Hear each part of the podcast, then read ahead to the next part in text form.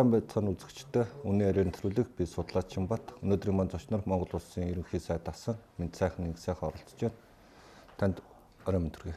Аа орой мэнд хүргэе. Тийм та хэд хоёр тэр 90-ад оны үйл явдлаас эхлүүлэлээ яг тухайн үеийн үйл явдлыг одоо тод томруулнаар ярихыг хүсэж байна тантай. Тийм тэгээд энэ 90-ад оны үйл явдал арцсан хувьсгал эхлэхээс өмнөх Монгол улсын нөхцөл байдал нөгөө нэг Сэвийн гэрээний орнуудад хамтарсан байхад ер нь манай улс үндэстэн ч их сайхан хөгжөөж явж ирсэн юм биш үү. Тэгээ яагаад энэ арц хувьсгалыг хийх болсон шалтгаан юу вэ? Яагаад та тэнд оролцоод явцсан юм? Гэхдээ ер нь юу штэ эхлээд социалист гэгдэж исэн орнууд дотор юу болов гэж харах хэрэгтэй байхгүй юу? Тэгэхээр бол дэлхийгээр нь харах юм бол социалист тогтолцоо одоо тэр үед бид нар шууд хэлэхгүй байсан. Гэхдээ одоо капиталист тогтолцоо хэн илүү юм бэ гэдэг түүхэн үнэнд гүйцэгдээд э, социализмын э, эдийн засаг олон орнуудад хямарсан байхгүй? Тэр ялангуяа тэрний э, маллаа олж исэн зүйл толгойд бас өөрөө эдийн засаг асар хүнд байдалд ороод тэгээд сүлдө задрах хэмжээнд хүрсэн шүү дээ. Тэгжээж энэ өөрчлөлт хуучин социалист гихчээс орнууд болсон. Монгол энэ систем дотор бол зөвлөлт холбоот улсын зүгээр дагуул улс шиг л явж байсан. Дагуул улс. Нэр томьёоч гэсэн тэгж байсан дагуул улс гэж. Тэгэхээр бид нар өөрөө хэлбэрийн хувьд харахад өөрсдийнхээ асуудлыг өөрсдөө шийдэд байгаа юм шиг хэрнээ үний хэрэг дээр Кремлээс биднийг шийдэж исэн байхгүй асуудлыг. Тэр удаа би санаж байна л да. Одоо жишээлбэл зөвлөлт холбоот улсын төлөвлөгөөний комисс гэж маш хүчтэй эдийн засгийн том байгууллага байсан. Тэр эдийн засгийн төлөвлөгөөний комиссийн нэг хилцээр Монголын эдийн засаг яах вэ, юу хийх вэ гэдгийг тэнд л шийдэжсэн. Түүнээс монголчууд өөрсдөө шийдэжсэн биш. 1990 оноос өмнө манай улсын төсвийн 84 87% ингээл бямсранга номд ил байдаг юм л да. Орос холбооны улсаас бид нар зээл тусламж, буслах үзмж, зээл тусламж янз янзын юм авдаг гэсэн. Тэгээ тэр сайхан зээл тусламжийг өөрсдөө өөрсдийнхөө ашиглах тэр боломж нөхцөл байгаад ашиглаж чадаагүй юм шүү. Үгүй тийм байхгүй. Нэг ер нь бол гол болсон өөрчлөлт бол хүний ирэхээр жаргаж зовж яснаас өөрийнхөө ирэхээр зовж жаргасан дээр байгаа байхгүй юу? Тийм. Тэгэхээр өөрөөр хэлбэл 90 оны арчилсан хувьсгал гол хийсэн өөрчлөлт бол хүний ирэхээр жаргаж зовх хэрэггүй а бид өөрсдийнхөө ирэхээр зовж жаргасан дээр гэдэг энэ л шилжилтийг хийсэн байхгүй юу. Түүнээс хойш манай тухайн үед шийдэжсэн асуудлууд зөвлөлт гэдэг том гүрэн дагуул улсууд социалист гэдэг системийн орнуудыг үйлчлэхийн төлөө л хийгдэжсэн эдийн засаг болохоос биш Монголын ард түмэнд үйлчилжсэн эдийн засаг гэж би хэлж чадахгүй.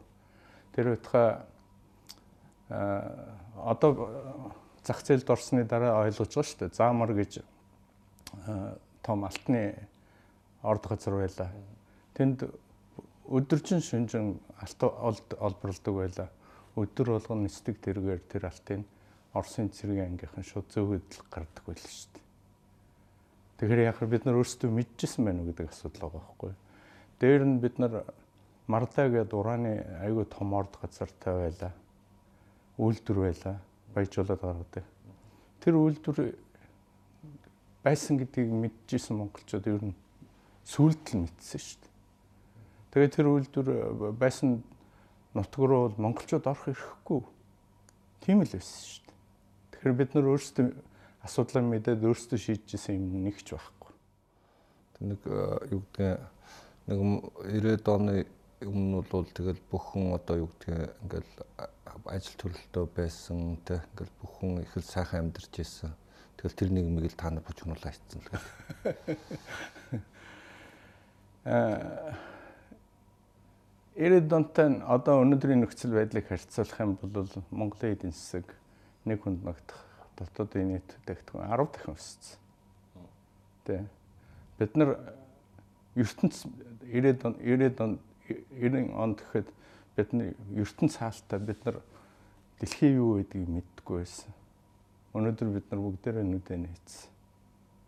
Хаана юу болж байгааг мэднэ. Аа зүгээр л амьдралын жишээгээр авъя л да. 90 онд аа би хамгийн одоо гадаад явж байгаа царайн тэр л дээ. Ирээн рүү орж байгаа байхгүй? Тэгээд хүүхдтэй хүн чинь нэг бэлэг авах хэрэгтэй. Тэгээд би Coca-Cola авчихсан байхгүй. Ласта Coca-Cola. Нэгдүгээр хүүхдтэй бэлэг, хоёрдугаар надад нь харандаа үзэгний сайхан савтаа болно гэж ингэж бодож авчихсан.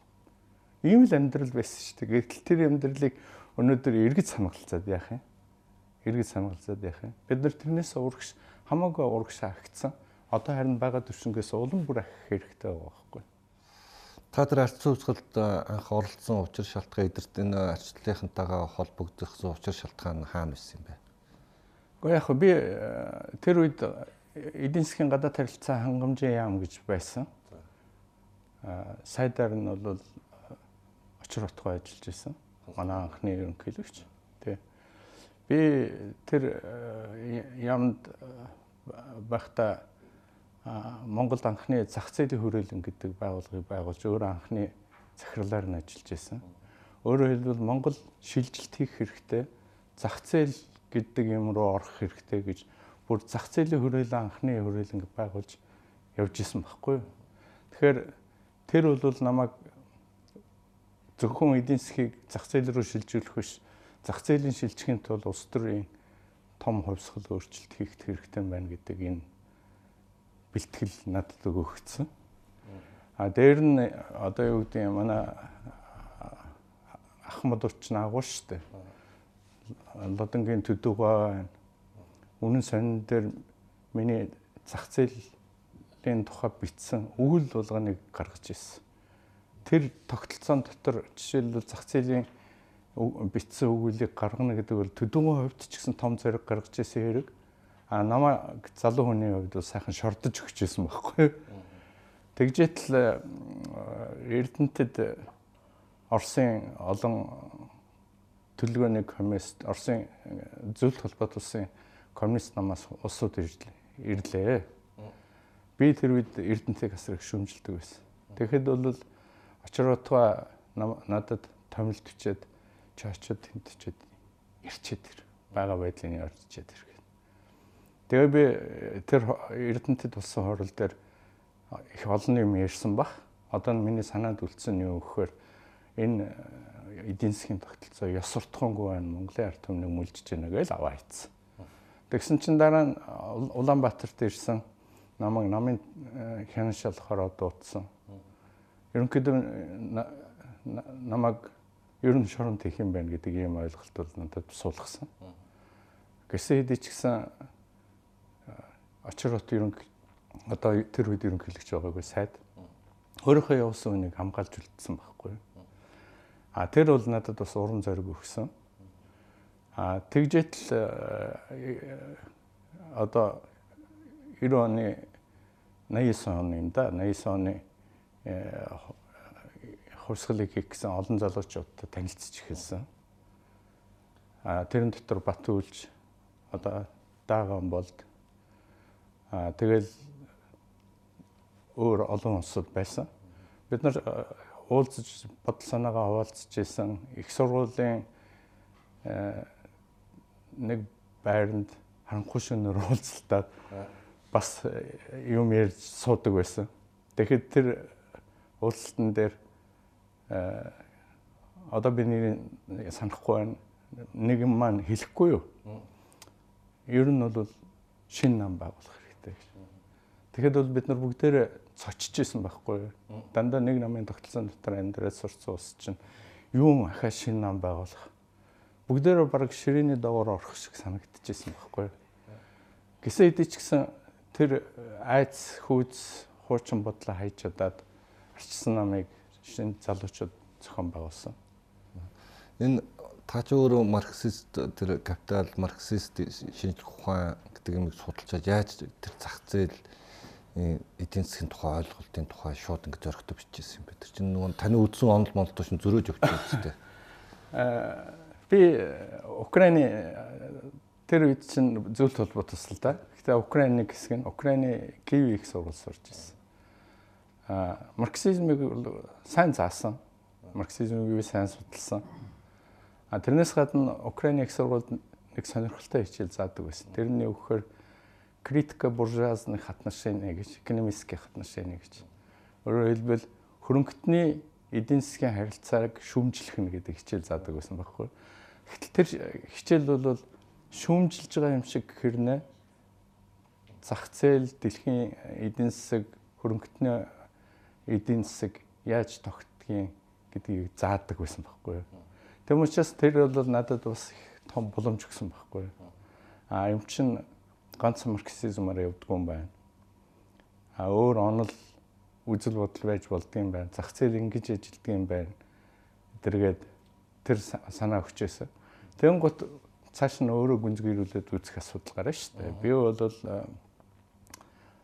Киевт дэд боловсрол эзэмсэн боловч Москвад бас би Институт экономики мировой социалистической системы гэж байсан тэр үед дэлхийн социалист системийн эдийн засгийн хүрээлэн гэж шинжилгээ академийн хүрээлэнд эрдмийн зэрэг хамгаалсан байхгүй юу.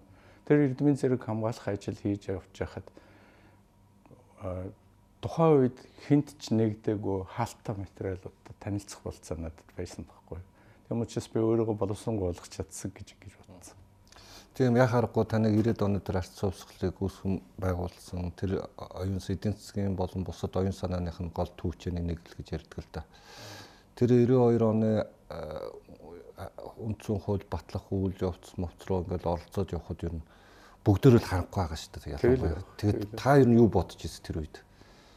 Энэ хүний хэрэгчлөө мөлөө ер нь тийм ойлголт энэ хувийн өмч өмч гэсэн тийм ойлголт ерөөсөө байхгүй бүгд л харанхуй л явж байгаа шүү дээ. Яг үүндээ бол олон залуучууд э, хүчээр нэгтгэжсэн учраас бид нар асуудлуудаа хувааж авч ирсэн. Надад бол ялангуяа үндсэн хуулийн 5 6 дугаар заалтууд ялангуяа нөгөө өмчийн олон хэлбэр байхыг зөвшөөрөх те а газар өмчлөх асуудал эдрийг бол илүү нарийн судалж хариуцуулж исэн байхгүй. Би тэрийг бол мөг гүйцэтгсэн гэж гэж боддог. Тэ. Тэ. А А ер нь бол эн чинь нэг хүний хөдөлмөр ш олон хүний хөдөлмөр олон залуучуудын хөдөлмөр шүү дээ. Тухайн үеийн залуучууд. Тэгээд э, бие биенээсээ дороо суралцаад бие биенээсээ сонсоод тэгээд одоо ихэнх юм энтузиазм одоо өөрийн сэтгэл хөдлөл юмар төрж хийгдсэн юм л юм болсон шүү дээ. Ер нь тэр 90 оны зурсгал хийгээд тэр талбай дээр Батуул тэргүүтээ хүмүүс нь үлсэн зарлаж бчих танд нь юу бодогч байсан? Танд чинь цэрэг мэрэг орж ирэхээр болчихлоо гэж бас нэлээд юм яригддаг шүү дээ. Тэр үед та юу бодож ирсэн бэ? Одоо ингээл цуг өхөл үхий гэж боддог юм уу? Эсвэл яаж аврагдах вэ гэж боддог юм уу? Тэр чинь жигсаал сунаа олон удаа болсон шүү дээ. Тэгсэн. Тий. Би нэг жигсаалыг айгуу сайн мэддэг. Сүхбаатарын талбай дээр болсон.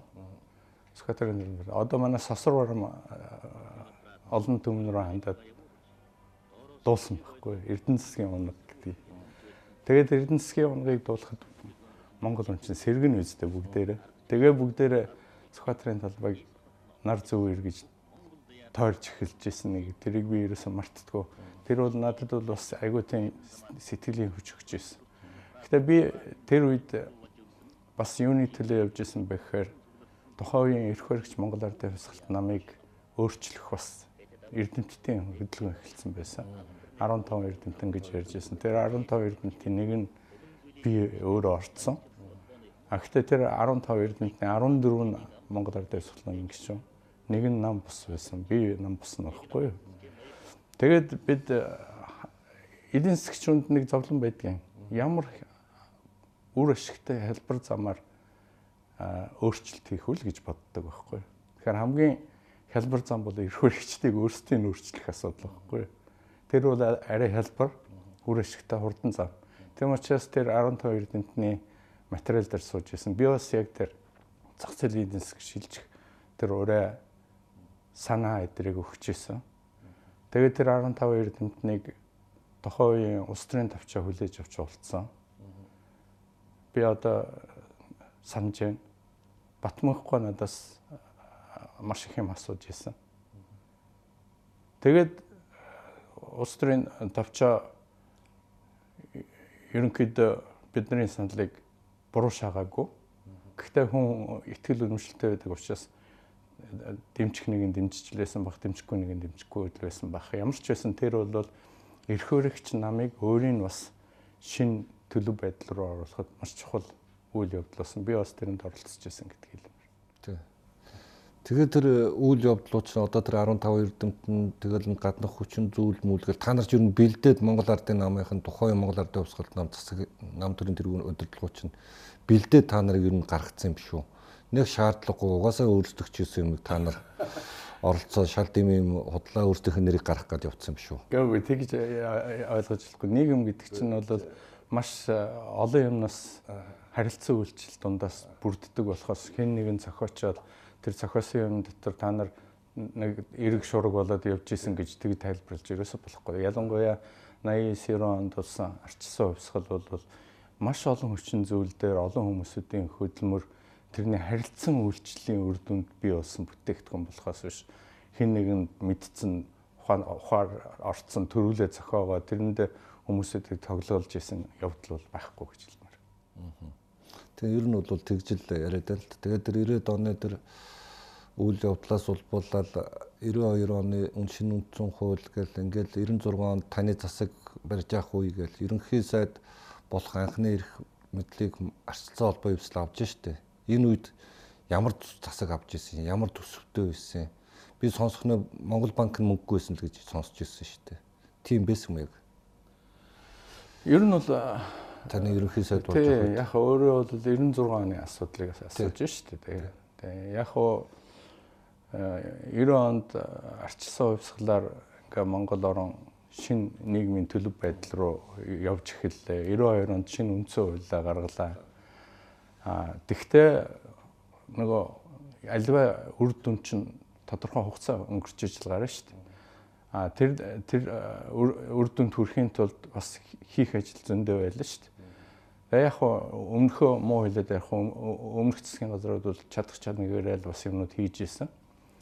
А гэхдээ 96 онд намайг засгийн газрыг тэргүүлэхэд тухайн үед банкны амрал болцсон байсан. А хүмүүсүүд цалин тэтгэврийг 3 хүртэл сараар тавьж чаддгүй байсан.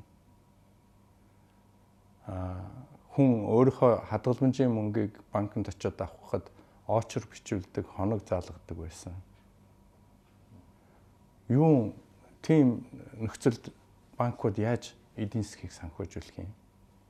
Мөнгө нь байхгүй тийм нөхцөл.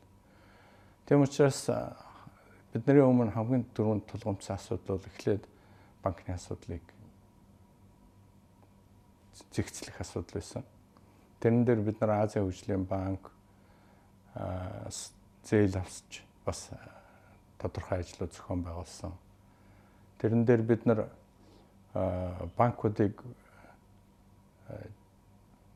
өрийг тусад нь гаргаад өр барагдуулах халб гээд банкыг өөрийн муу өрнөөс нь чөлөөлж өгч байсан.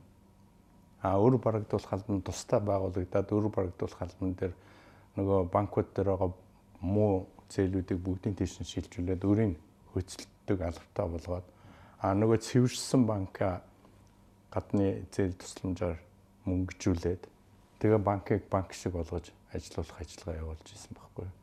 Гэх мэтлэнгээр тэнд хийгдсэн юм үзэнд бай. Дээр нь төрийн өмчийн компаниуд бүгдээрээ зогсцсон. Үйлдвэр аж ахуйн газрууд нь зогсцсон. Ерөнхийдөө удирдлагууд нь юу хийхээ мэдэхгүй, шинэ нөхцөлд юу хийхээ мэдэхгүй. Одоо шулуухай хэлэхэд бол архитхаас өөр юм хийхгүй ийм нөхцөл байдал байдалд орсон байсан. Тийм ч учраас зарим үйлдвэрийн удирдлагуудыг солих ажил хийх шаардлагатай болсон. Сольсон. Тэрнийг хар баасан гараггаас үлд нь хочлоод та олон хүнийг халж ирсэнээс зэрлэж ирсэн гэж байгаа. Үнэндээ бол ажиллаа хийж чадахгүй. Үйлдвэрүүд нь зогсцсон. Өөрсдөө архитхаас өөр ажилгүй болсод ч солихоос өөр яах вэ? Тэгэхээр тийм юм болж исэн. Өмч хөвчл явуулаад хувийн хөвшил тулгуурласан эдийн засгийн суурийг анхны суурийг бүтээх гэж зүтгүүлсэн. Тэрнийхээ төлөө жишээлбэл орон сууц хөвчл хийгдсэн. Одоо хамгийн бага ашиглаж болох бэлэн нөөцөл орон сууц тухай социализмоос үлдсэн. Орон сууцыг бол иргэдэнд шууд хөвчлөл хийсэн. Урд нь бол яг 90 оноос хойш бол малыг малчтад нь хөвчлөх ажиллагаа зохион байгуулагдсан байсан. Орон сууц бол мал хөвчлөлд оролцож чадаагүй нийгмийн давхраг орон сууц хотын иргэд тэрэнд оролцож чадаагүй орон сууцны хөвчлөл хийгдсэн.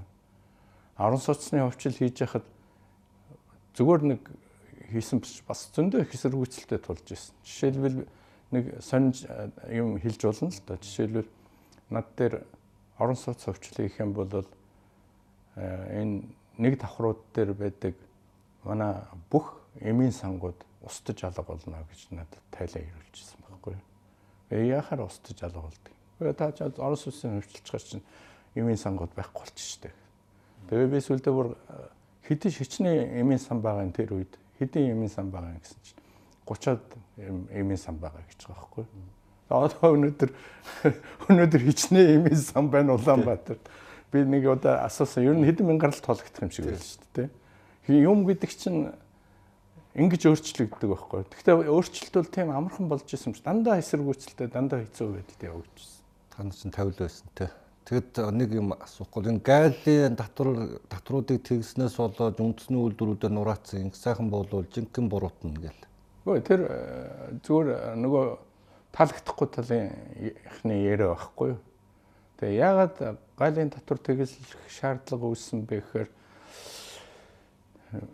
намайг засаг толгойлж явах үед инфляц жилийн 60% байсан байхгүй. Жилд 60% инфляц болно гэдэг бол бизнес хийж байгаа хүн бол зүгээр ойд төрлөөл гэсэн. Хаашаа явахаа мэдэхгүй, юу хийхээ мэдэхгүй, юу ч хийсэн ашиг олж болохгүй инфляцанд хамгийн маалдаад байдаг. Тэгэхээр чи эдийн засгийн байдал төгжиж болохгүй шүү дээ.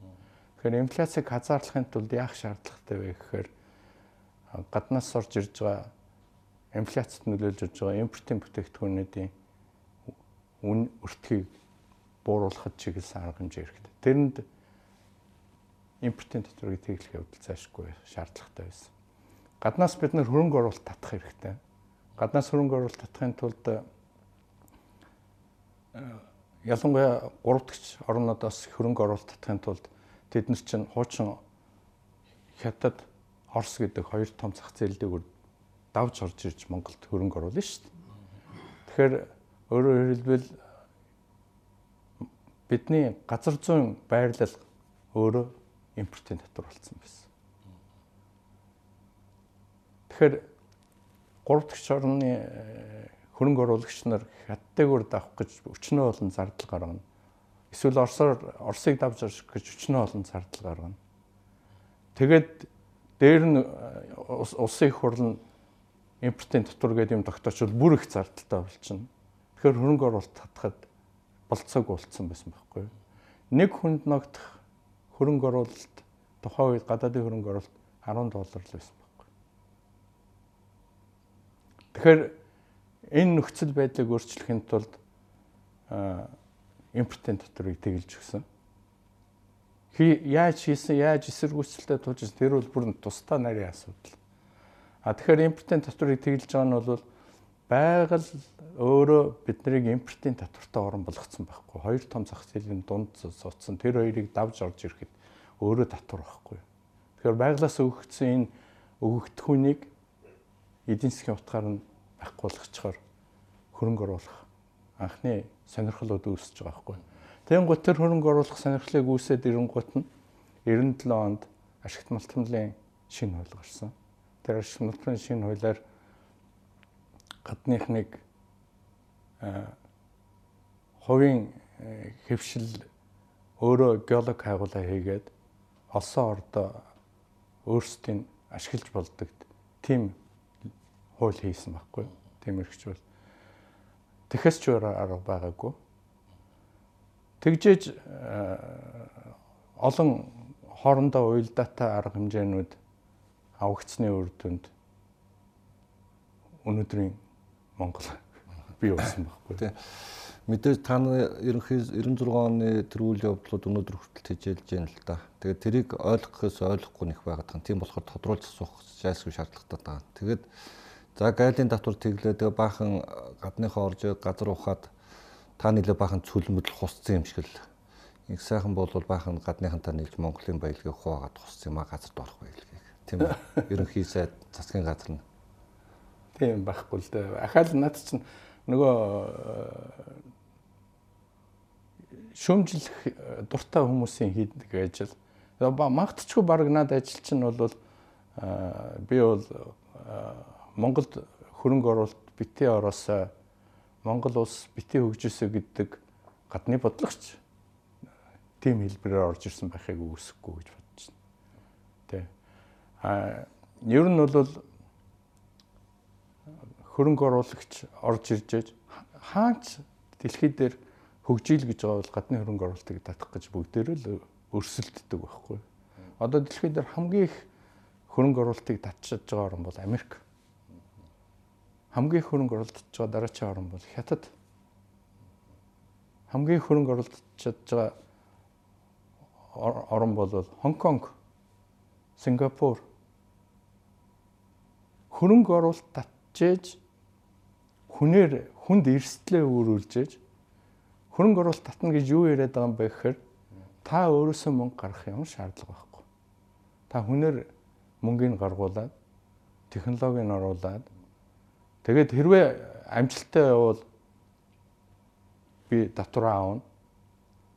Чи намайг тийж. А хэрвээ амжилтгүй явбал огч нь чиний мөнгө өргөцсөн болохоос ш улс орон мөнгө өрөөг. Тэгэхээр гадны хөрөнгө оруулалтыг татах гэдэг бол бүр номер 1 бодлого байхгүй юу? Номер 1.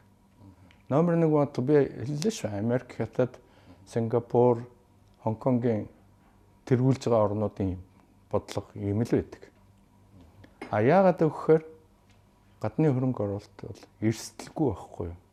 Эрсдэл гараад хэрвээ хөрөнгөний хохирол учрах юм бол тэр оруулж байгаа хөрөнгө оруулагч өөрөө даадаг болохоос улс орон тэрэнд ямар нэгэн өртөө үлддэг биш.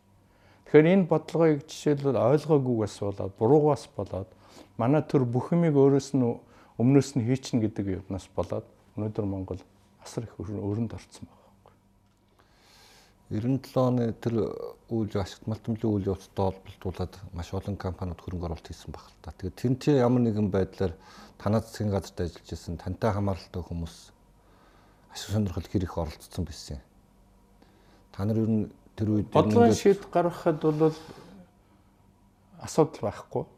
Бодлогын шийд бол хилцчихэж, ярилцчихэж гарна. Сүүлд хожмоо бол э, нөгөө мэдлэгтэй чадвартай улсуудаар төрөөс хөөгöd гаргаад явхад тэр улсууд э, гадны том компаниуд дээр очиод өөрийнхөө оюун сурсан мэдснээ худалдаад амьдарч байгаа байдал бол байж л байгаа л. Тэрийг дараа нь юу ч гэж худлаа тайлбарлаж болно шүү дээ. Ер нь бол тийм таныг хар баасан гарагчаас ерөнхий сайд байхдаа мэд сайхны их сайхан л энэ хамгийн анх Монгол ардын хувьсгалт намын гишүүдийг хөөгөөд л үзээ ядаад хорсоол тэгэл төрийн э, залгам чанарыг байхгүй болгоод устгацсан. Ер нь бол урд төршийн бодлоготойгоор гэл ингээл ярих юм. Хотлаа. Нэгдүгürt э,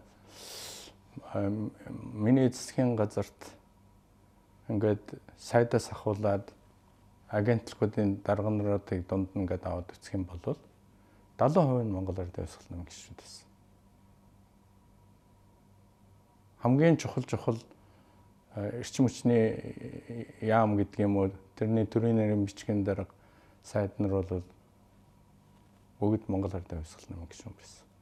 Би 70% гэж хэлж ш. Тэгэхээр би 70% Монгол Ардын Хувьсгал намын гишүүдээс бүрдсэн өдөртөх бүрэлдэхүүнээс бүрдсэн засгийн газрыг тулгуулж ирсэн. А ер нь бол анх анхны засгийн газар байхгүй анхны арчлалын засгийн газар анхны арчлалын засгийн газар анхны арчлалын засгийн газар учраас ажиллаа хийж чадахгүй хүнээс солиход хамгийн түрүүнд өөртөөгөө мөр зэрэгцээд явж байсан ижил удалтай хүнийг тавих нь бол ямар ч хүний хийх үйлдэл шүү дээ. Тэгэхэд бол заавал арчилсан арчлалын одоо шин намуудын хүмүүс таарлах нь олонтой байсан. Тэд хизээч урд нь төрд ажиллаагүй байхгүй юу? Төрд ажиллаж байгаагүй хүнийг аваад Буцраад ядаж хуучин арга барилаараа ажиллахгүй шинэ арга барилаараа ажиллах учраас арчлын нөхдүүдээс хүн тавьж исэн үнэн. Гэхдээ тэд нар урд нь төрөөд ажилд албачраас яарч сольж исэн тийм л улсад солигдохоос өөр арга байхгүй шин. Тийм учраас тэрийг хэтрүүлэн тайлбарлаад зөвхөн арчлын талынхныгаа л тавьж исэн гэдэг юм бол тэрэн шиг бодлоо юм байхгүй би хэллээ. 70% нь Монголоор дэвсэлнэ гэж байна. За бас нэг асуудал орно хоёул. Энэ тагнуулын ерөнхий газрын нийгмийн аюулаас хамгаалах яам тухай үнтэй нах ямыг та бүгдөрн татан болсон танаа засгийн газрын үед тэнцээж нэг баахан л тагнуул магнуулуудыг ялангуяа урд хөрстэй холбоотой нөхдүүдийг л нэр усаар нь гаргацсан байсан юм таныг л тэрийг авчаад шатаагаа шатаалгацсан мэтэр. Тэгэл устгацсан. Устын юм ярьж байна тий. Энэ бол гадуур байгаа бодтой яриад байна л та. Би бодтой юм асуугаад энэ танаас. Үнэхээр тийм болцсон юм уу? Та өөр ур зүгтэй хэр холбоотой хүн таны чинь одоо тэгээд тийм болохоор тэдний даалгавраар хамаг дээр юмнуудын шатаага хийцэн тэгээд. Тэрүүд яга тагнуулын бас архив нээж болоогүй. Ой яг хоо юм л да. Аливаа улс орн бол өөрийн гэсэн тагнуулын байгууллагатай байх нь бол гарцаагүй. Тэ. Гэхдээ Монголын түүхийг аваад үзэх юм бол аа манай энэ тагнуулын газрын өөрсдийнх нь бичсэн түүхээс нь харах юм бол 22 оноос л их авсан юм байлээ. 22 онд анх дотоодын аюулаас хамгаалах газар гэж байсан. Тэгжээснээ дараа нь дотоодын аюулаас хамгаалах ерөнхий газар гэж томорсон. Тэгжээснээ энэ бүх үйл явц бол дандаа гадны оролцоотой байсан. Ялангуяа Оросын сургагч, Оросын мэрэгчлэтнүүд а явсан түүхээс харах юм бол энэ тагнуулын газар дотоод тэгээд дотоод яам болсон. 37 хүнхэд бараг дотоод яам болсон. А дотоод яам монголчуудыг л хэлийг мэдүүлчихсэн шүү дээ. Оросын гар хөл болж ирсэн. Зөвлөлтийн гар хөл болж ирсэн. Монголыг хэлийг мэдүүлж ирсэн. Яг энэ соёл уламжлал нь бол дамжиж уламжлагдсаар байгаа бидэн дээр ирсэн байхгүй юу. Тагнуулын байгууллагын түүхээр бол 9 удаа нэрээ өөрчилж өөрчлөгдсөн байна. Тэгээд нийгмийн аюулаас хамгаалах яам дараа нь тагнуулын төв газар аюулаас хамгаалах газар Тэгээ одоо тагнуулын ерөнхий газар гэсэн нэртэй 9 нэр дамжиж явсан.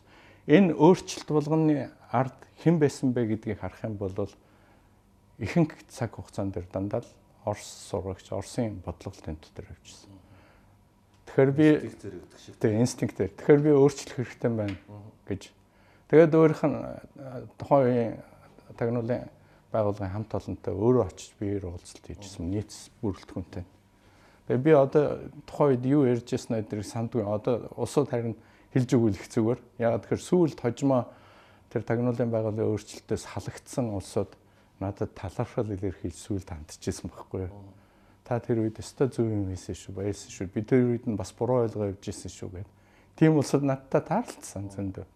Ягаад тэгэхээр тэр тагнуулын байгууллагт чинь үнийн хэрэг дээр маш олон чадaltaй боловсон Монголын боловсон хүчнүүд тэнэлтэд ажиллагддаг байсан байхгүй. Тэр чадaltaй боловсон хүчнүүд дотроос өнөөдөр Монголын арчилсан нийгмийн чадaltaй бизнесмен болсон улсууд бас зөндөө байдаг байхгүй. Тэм учраас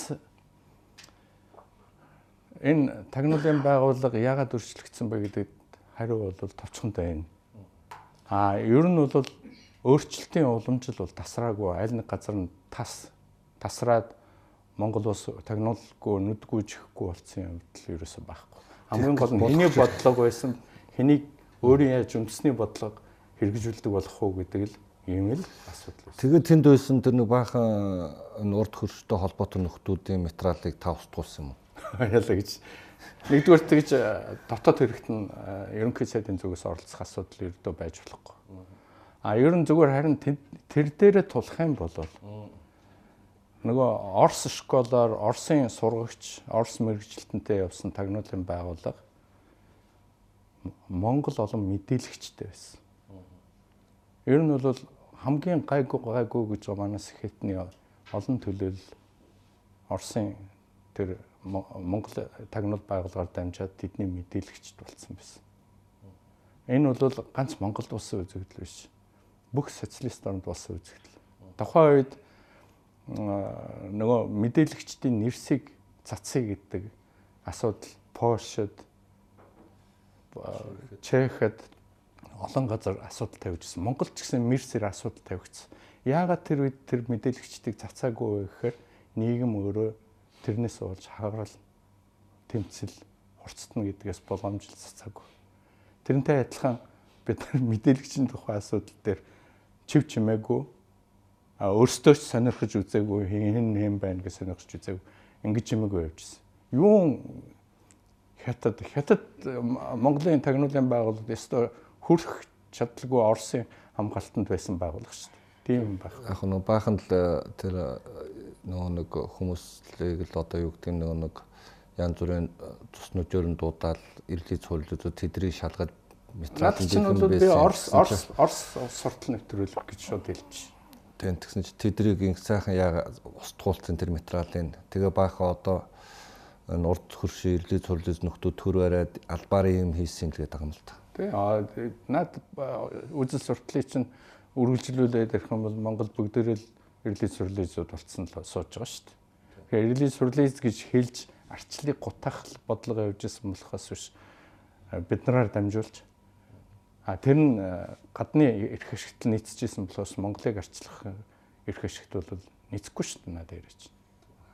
Тэгээд энх хоёртой одоо хөшний зан жинхэнэ 8 хийж энх хоёртой их ойлголцож хамгийн их энх хоёрыг одоо энэ чэнэс эхлээл ман маф зафыг одоо бий болгосон хүмүүсийн бараг л толгой нь бол номрын хоёр тайлбар тийм болж цагаан шонхрын ихтэй ингээд нэг жинхэнэ нэг эрдэстийн нөхөр дунд чинь сууж байгаа дуустал тэгэл тийм болж исэн юм.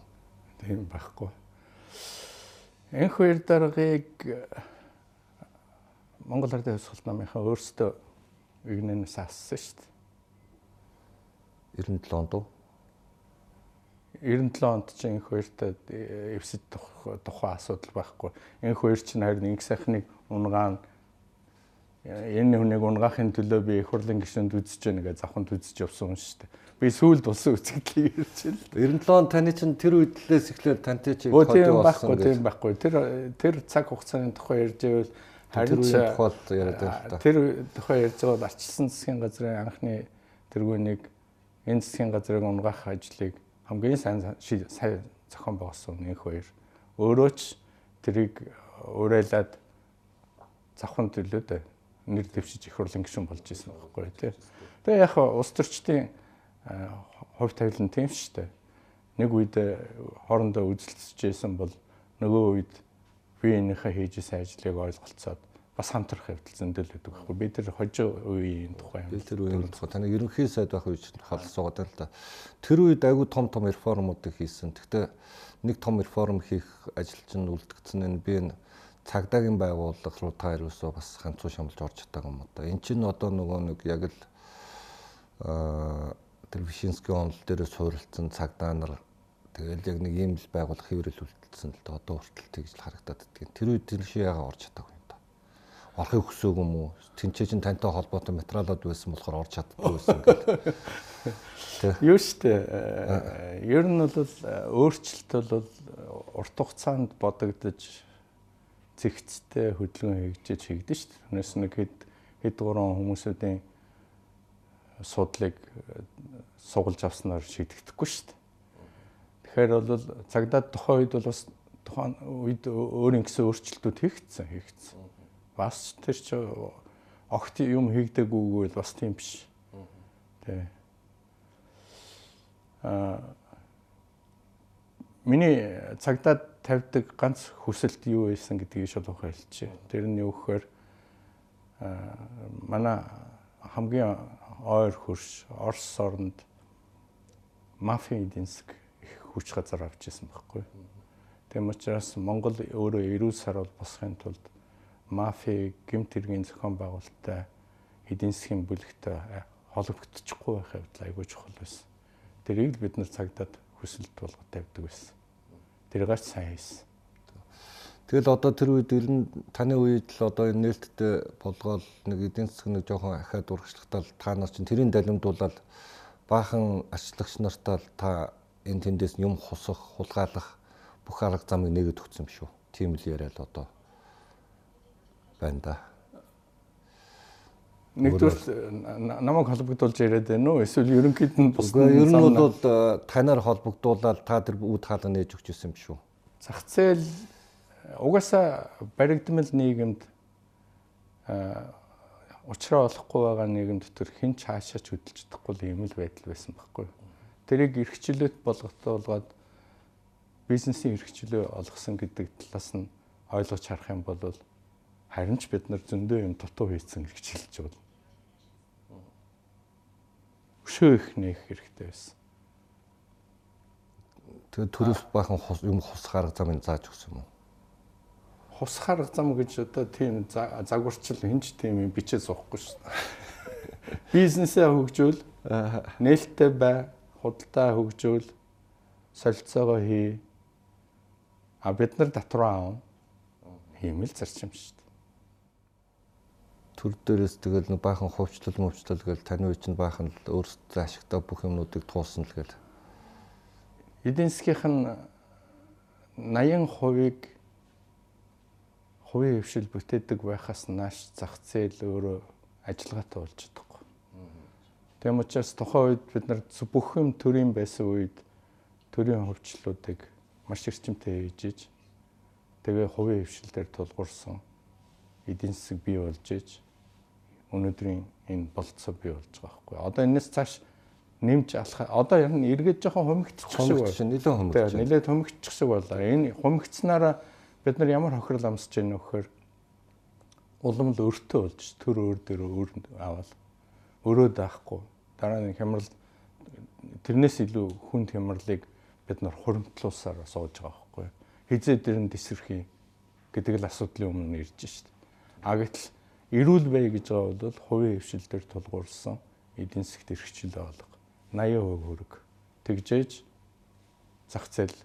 Ягаад 80% гэж тоо гараад байдгийг гэхээр 80% эдийн засаг хувийн хвшлээр хувийн хвшлийнхэн бол ашиг олох гэж бизнес хийх гэж өдөржин шүнжин өөрөө махруу зүтгэнэ. А цаана хойвоога 20% төрийн өмчийнхэн тэр хувийн хвшлийн яаж хөдөлж байгааг хараад яг адилхан дуурайж бас махруу зүтгэдэг болдог байхгүй. Тэгэхгүй бол төрийн өмчин давмгалчаад бүгдөө ажилгүй сайхан архи хувааж уучаад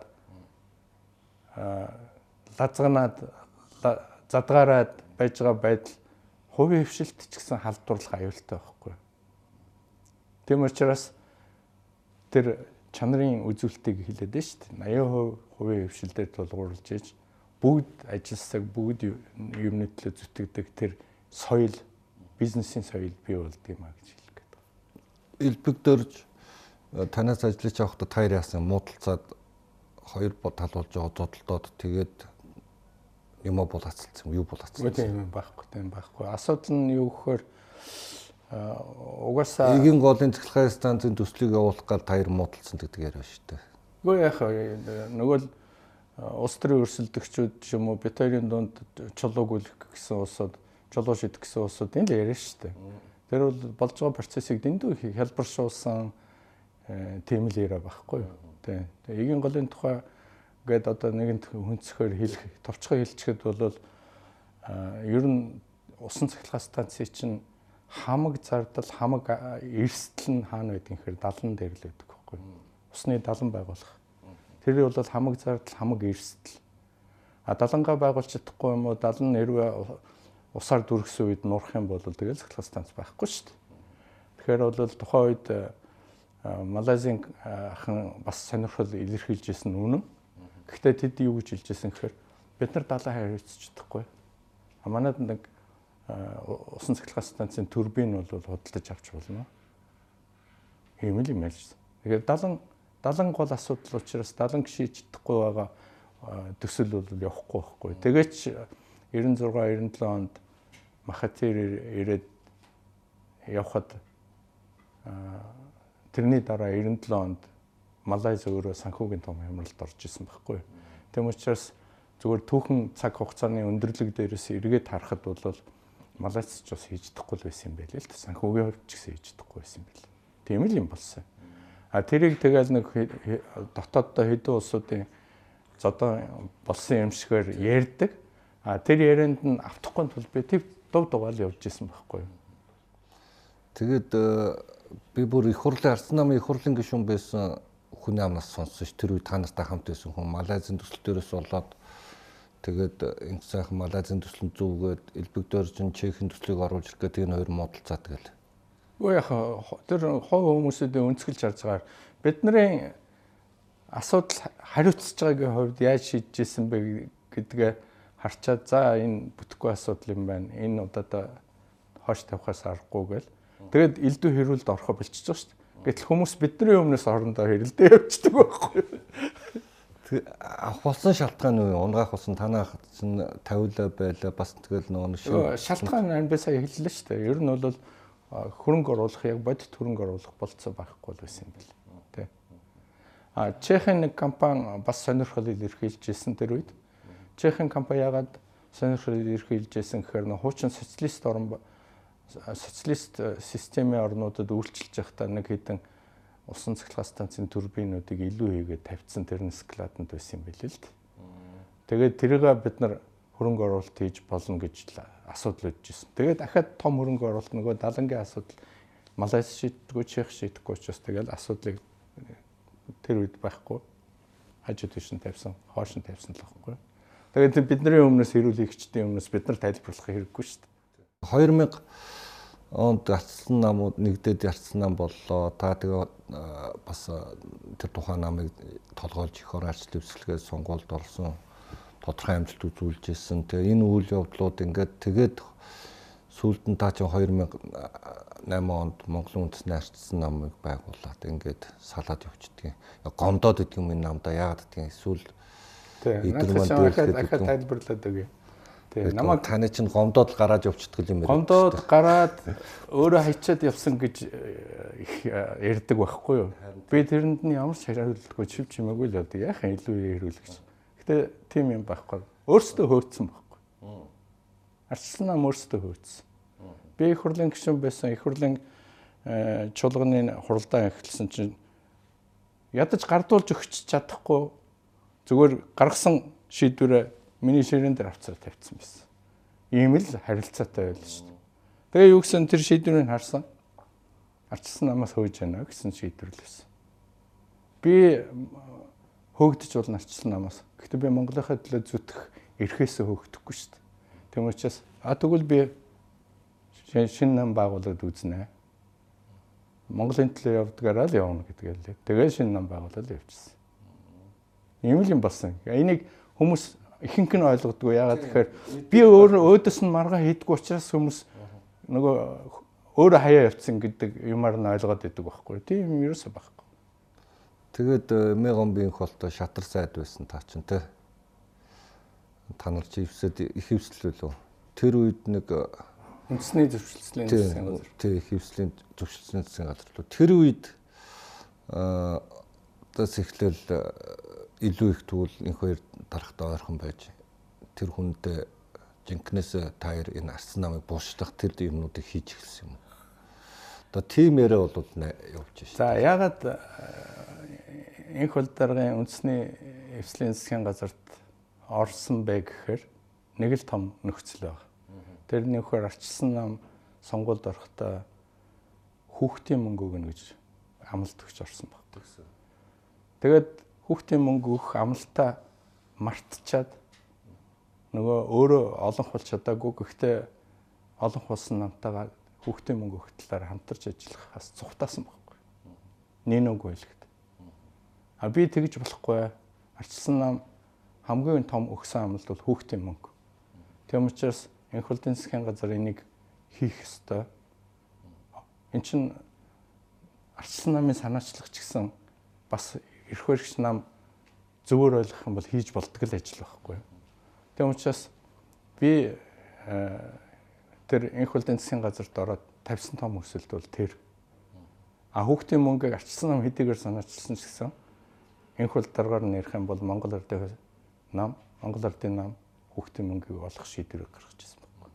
Тэрний ард би бас өөрөө зөксөж ирсэн байна. Тэгэхээр хүн тавьсан зорилго амлсан зүйлийнхээ төлөө юунаас ч буцахгүй байх хэрэгтэй байхгүй. Тэрийг л хийсэн байна. Тэгээд энэ хоёр дарахтаа холбогдоод та яар чинь тэгээд үйлдвэрэнд ороод явцсан юм? Ямар учиртай? Гэхдээ өөрөө цаг хугацааны дараа л алдагдуулаад 8 оноос эхлээд тэгээд таныг яриад байна л та. Тэгээ 12 онд бас яг тийм үйл явдал болж байгаа. Тийм тэгээд дараа нь яг хоош эргээд жоохон асуудал аргашаага яваад ирэхээр Монгол ардын нам өөрөө энэ хоёрыг өөрийнхөө намаас хөөж гаргасан шүү дээ. А тэр үед нэг юм би бол ойлгож ирсэн. Монголын удирдахч байсан улсууд бие бинийгаа хөөж туудаг ингэдэг л байх юм бол энэ Монгол тэсхий аргагүй болно. Тэм учраас хөөгдөд унаад ирж байгаа хуучин нэрмхийлэгч Монгол хүн л өгтөж авах хэрэгтэй үсттэй. Тэгэл өгтөж авсан би. Одоо ч бас тэгнэ. Одоо ч гэсэн тэгнэ. Ер нь бол төрийн өндөр алба хаажсан хинч бай, сайн муу хэлэгжсэн хинч бай. Эргээл Монголын төлөө хэрэгтэй байдаг болохоор тэднийг нэгтгэх тэднэрт тата нөхцөл үүсэх асуудал бол Монгол үнээс л гардаг асуудал. Тэргээр санд Тэгээд тэр дунд чинь тэр нэг э, цагаан шонхрын тайван гэдэг хүн зуучилж барьсан юм байт юм уу? Оо тийм тийм байхгүй тийм байхгүй. Элдвийн тэр э, нөгөө хор гүрсэн яриануудыг бол би тоохгүй орхидог учраас зүгээр л хайчих. Тийм. Би тэгээд та нар маш олон зүйл дээр бахархдаг л да. Монголын улс төсөв 400 сая байсныг 4 тэрбум болгож 2000 он төгсөн гэл энэ реформын шинжилтийн өмнөд өнөөдөр хүртэл та нарын таны хийсэн үр дүн дээр өнөөдөр суурьсны үр дүн дээр өнөөдөр хүрсэн гэл олон зүйлээр бахархдаг. Энэ 5 7 нөгөө нэг төсөлгөл Япон Монгол хятадгуурын хамтарсан тэр төсөл дээр та голцлоод орсон бас тэ 16 оны үйл явдал энэ Монголын төмөр зам барих асуудал гэж маш олон зүйл дээр та өөрөө голцож орсон. Яагаад урд хөршийн сонирхлыг төлхөө оруулж ирээд байдгийг таны чи одоо урд хөршөөс гол түншлгээд ах юм шүү дээ. Урд хөршийн сонирхол төлхөө оруулсан гэдэг үг ханаас гарч ирээд байна. Наад чинь тэгээ ахаад наад чинь буруу үзэл суртал яваад байгаа байхгүй юу? Яг явж явж эцсийн нүндээ Монголын эрх ашиг тэнд илүү байсан гэдгийг одоо хүмүүс ойлгож байгаа байлгт. Одоо ойлгож байгаа байлгт. Төмөр зам нь гаццсан, буруу хийгдсэн, нүрсээ гаргаж чаддгүй. Тэр хооронд дотор тэр хооронд Орос улс нарийн төмөр замыг хятадтай холбоод нүрсээ гаргаад эхэлсэн. Хиний бодлого хэн хожив? Тэгэхээр гадны бодлого дотор бид нар унтсан байгаа байхгүй юу? А тэр гандлын бодлогот унжээ шүү, болохгүй шүү, ингэж болохгүй шүү гэж би зөндөө хэлсэн. Зөндөө ярьсан. Тэр тэр үед тэр хүний бодлого гэдэг одоо юм чинь хэлээд шүү дээ. Хят урд хаттын бодлогыг түлхүү хийсэн эдэрэг. Тэр чинь чухандаа Монголын төлөө явж исэн бодлогыг унгаах гэж л ярьсан яриа шүү дээ. Тэр яриг ахаа ахин давтаад иж болохгүй шүү дээ дундаас нь Японууд нь гараад угаасаа хятадд очих гэсэн юм байлаа гэл тэ. Тийм юм байхгүй. Тийм. Тэг би таны тэр төслийг харж байсан л да тэр Монгол үнэхээр маш ашигтай төсөл байх байсан юм а гэдгийг бол би хараад байц. Тэг энийг ингээд ярих шалтгаан болсон юу гэхээр Монголын төмөр зам урд хөршийнхаа төмөр замтай очиод нийлэхэд 9 давхрын зөрүүтэй байсан. Тэгээ тэрийг шийдэж чадаагүй угаасаа явахгүй байсан. Ингээ одоо нэг ийм яриа гарч ирж байна л да. Тэзүм мэзүү чинь зүгээр санаанаасаа зохиогоод хийчихдэг юм уу эсвэл яадгийг Тэр үед ямар баг ажиллаж байсан таны дор?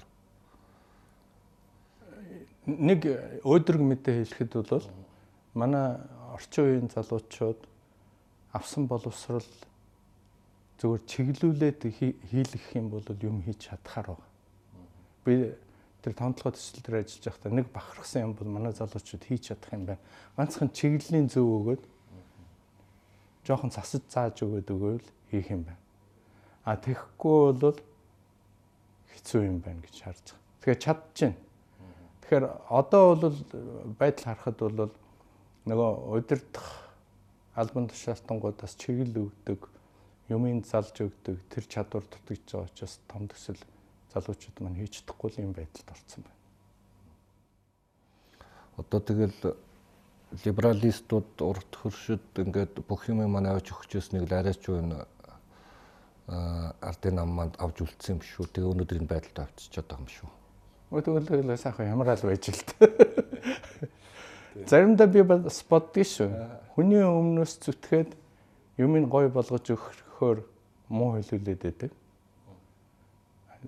Тэн дээрээ тулах юм бол өөрөөсөө махан биеэрээ мэдэрч яхан зүгээр ч юм уу гэж заримдаа тэгж боддог. Гэхдээ миний үйлдэл тэгж гарахгүй л дээ. Аль болцоолог гарах юм бол Монголыг хөгжүүлэх л гэж л оролдоно. Яа тэгэхээр энд чинь би ямар амьдарч байгаа ш. Миний өөрөө хүүхдүүд ирээдүйд амьдрах юм чинь. Тийм учраас тэрний төлөө л зүтгэн л дээ. Тэгээ нэг либералистууд либералист гэдэг үгийг бол би бол зөвлөж байна. Өөрт чинь. Либерал гэдэг үгийг дэндүү их бохирдуулсан улс төрчд. Тийм учраас ойлгодог нэгэнд нь либерал либерал бодлого гэж хэлэхээр сайнаар хүлээж авна ойлгодгүй хүн нь болохоор ямар амар бодлого вэ гэж хараар хараад шиг ойлгоно. Тийм учраас либерал гэдэг үгийг дэндүүх бохирдуулсан учраас битээ тэрийг хэрэглэхээр гэж хэлмээр. Тэрний оронд ямар үг хэрэглэх ёстой вэ гэхээр эрхчлөө гэдэг үгээр хэрэглэх. Зах зээлийг либералчлан гэдэг бол зах зээлийг эрхчлөөтэй болгоно л гэсэн үг нийгмийг либералчлна гэдэг бол нийгмийг эрхчлөөтэй болгоно л гэсэн. Хүн хүн өөрөө либерал байна гэдэг чинь би эрхчлөөтэй байна л гэсэн үг. Тэм учраас монгол үгийг хэрэглээд.